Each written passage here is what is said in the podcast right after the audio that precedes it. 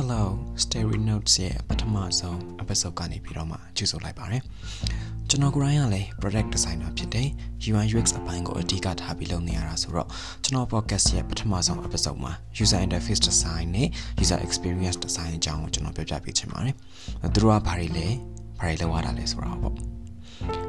UI design နဲ့ UX design အကြောင်းကိုဘာမှစမပြောခင်မှာကျွန်တော် design ဆိုတဲ့ terminology ကိုကျွန်တော်အရင်ဆုံးပြပြပေးချင်ပါတယ်ပေါ့နော် design ဆိုတာကိုဘယ်လိုမျိုးကျွန်တော်နားလည်ထားလဲပေါ့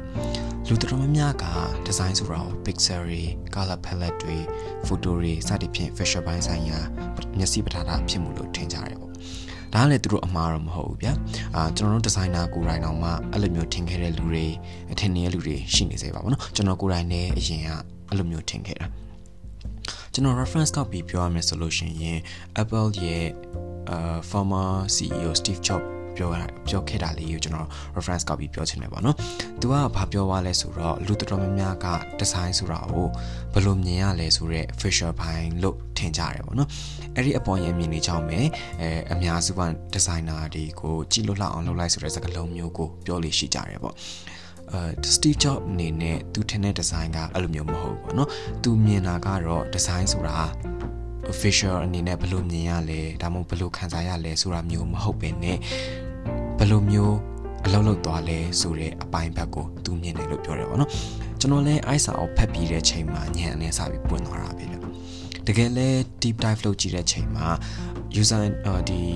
facial aesthetic ပေါ့နော်အပိုင်းက product or service design အစစ်မှာ20ရာခိုင်နှုန်းလောက်ပဲပါတော့ကျွန်တော်တွေ့ရတယ်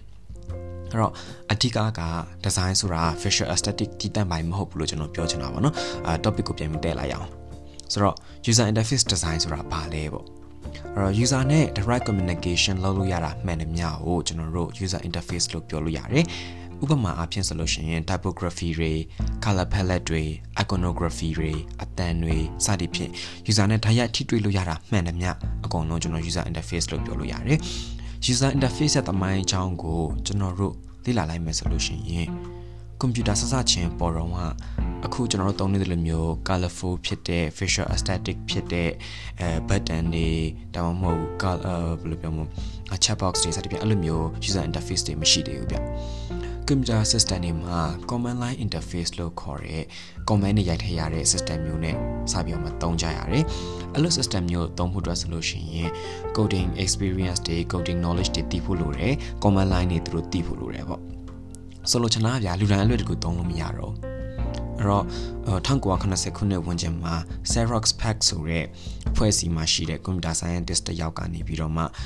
graphical user interface ဆိုတဲ့ GUI system တခုသူစပြီးမိတ်ဆက်ပေးလိုက်တယ်။သူရဲ့ဒီတည်ထွင်မှုကြောင့်လူတွေကကွန်ပျူတာတွေပေါ်မှာ pattern တွေနှိပ်လို့ရတာ pattern တွေနှိပ်လို့ရလာတယ်။ chat box တွေရွေးလို့ရလာတယ်။အဲဒီ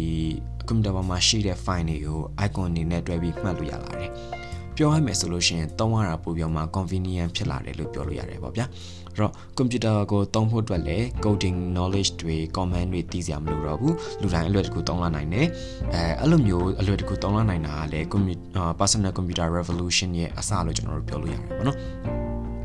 အဲ့ဒါအနေတဖြည်းဖြည်း တိုးတက်လာရနေပြီးတော့မှအခုဆိုလို့ရှိရင် website တွေ mobile application တွေ wearable technology တွေဖြစ်တဲ့ smart watch လိုမျိုး device တွေအဲ smart home IoT device တွေနောက်ဆုံးအခုဆိုလို့ရှိရင်ကားတွေမှာပါ user interface တွေသုံးလာကြတယ်အဲ့ဒါတွေအပြင်ကို augmented reality တွေ virtual reality တွေအထိကို design လုပ်လာကြတယ်ပေါ့အဲ့ဒါတွေမကောက်ဘူးပေါ့နော်အခုဆိုလို့ရှိရင် zero UI လို့ခေါ်တဲ့ screen ပေါ်မှာ interact လုပ်တာမျိုးမဟုတ် မဟုတ်တော့တဲ့ဒီအတန်နဲ့ interact လုပ်တာမျိုးတွေ gesture နဲ့ interact လုပ်တာမျိုးတွေအဲပြီးတော့ like ပေါ့နော်အလင်းရောနဲ့ interact လုပ်တာမျိုးတွေအဲအဲ့လိုမျိုး communication လုပ်လို့ရတဲ့ user interface တွေအထိ design လုပ်လာကြတယ်ပေါ့ဆိုတော့ဒီဟာတော့ကျွန်တော် user interface အပိုင်းပေါ့နော်နောက်တစ်ပိုင်းအနေနဲ့က user experience ဆိုတာဘာလဲပေါ့ဆိုတော့ user experience ဆိုတဲ့စကားလုံးကိုအာ John Norman ဆိုတဲ့ cognitive scientist တယောက်ကနေပြီးတော့မှစပြီးမိတ်ဆက်ပေးခဲ့တယ်အဲ သူ့ရဲ့ theory ကိုကျွန်တော်တို့အကြံဖြင့်ပြောရမယ်ဆိုလို့ရှိရင် company product service တွေနဲ့ user ချားမှာရှိတဲ့မြ interaction အကုန်လုံးက user experience လို့ပြောလို့ရတယ်ပေါ့နော်ဆိုတော့ user experience တွေ user experience ဆိုတာဘာလဲဆိုတဲ့အထဲမှာအကောင်းဆုံးရှင်းပြချက်တွေထဲအကောင်းဆုံးရှင်းပြချက်တစ်ခုပြောရမယ်ဆိုလို့ရှိရင် Peter Movilli ရဲ့ usability honeycomb example ကိုကျွန်တော်ပြောလို့ရတယ်ပေါ့နော်ဆိုတော့ i example ထဲမှာပြောထားတဲ့လောက်ဆိုလို့ရှိရင်ကောင်းမွန်တဲ့ user experience မှာဘာတွေပါလဲဆိုတော့အချက်9ချက်ပါတယ်ဗျာအာ useful ရယ် usable ရယ် desirable ရယ် valuable ရယ် findable ရယ် accessible ရယ် credible ရယ်စသည်ဖြင့်အချက်9ချက်ပါဝင်တယ်ပေါ့ အဲ့ဒါတွေအားလုံးကိုကျွန်တော်တို့အာဘယ်လိုပြောမလဲအကြံဖြင့်အနေနဲ့ပေါ့နော်ခြုံပြီးပြောရမယ်ဆိုလို့ရှိရင် product or service ကို user တွေအနေနဲ့ဘယ်လိုမျိုးရှာတွေ့နိုင်လဲပြောမ interface နဲ့ interact လုပ်လိုက်တဲ့ချိန်မှာဘာတွေဆက်ဖြစ်လာမှာလဲ user တွေအနေနဲ့သူတို့လောက်ရမယ့် text တွေကိုလုပ်နေတဲ့အချိန်နဲ့လုပ်ပြီးတဲ့အချိန်မှာဘယ်လိုမျိုးတွေးနေမလဲပြီးတော့ဘယ်လိုမျိုးခံစားနေရမလဲအဲနောက်ဆုံးအနေနဲ့ overall အနေနဲ့ပေါ့နော်သူတို့ဒီ product or service ကို သုံးနေတဲ့ချိန်မှာဘယ်လိုမျိုးအတွေ့အကြုံတွေရပါလဲဆိုတဲ့အချက်တွေအကုန်လုံးပါဝင်မယ်ဒါတော့ကျွန်တော် user experience အပိုင်းကိုပြောတာပေါ့နော်ဆိုတော့နောက် episode မှာတော့ကျွန်တော်ဒီ user interface နဲ့ user experience ဂျာမှာဘာတွေကွာခြားသွားလဲဆိုတာကိုပြောပြပေးပါပါမယ်ဆိုတော့ကျွန်တော်လည်းအတူတူဒီကွာခြားချက်ကိုအသေးစိတ် deep dive လုပ်ဖို့အတွက်ကျွန်တော်ရဲ့ podcast လေးနဲ့ Telegram channel လေးကို subscribe လုပ်ထားပြီးဖို့ကျွန်တော်ပြောချင်ပါတယ်ပေါ့နော် ဆိုတော့ user experience designer အနေနဲ့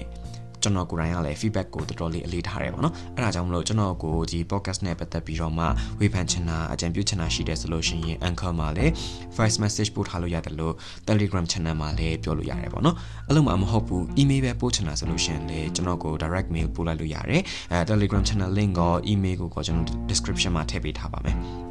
ဟောအချိန်ပေးပြီးနောက်ထောင်ပေးတဲ့အတွက်လည်းကျေးဇူးပါအာ stay safe ပါเนาะအာနောက်ကျွန်တော်နောက်နောက်တစ်ပတ်ကျမှထပ်ပြီးပြန်တွေ့ကြတာပေါ့ okay bye bye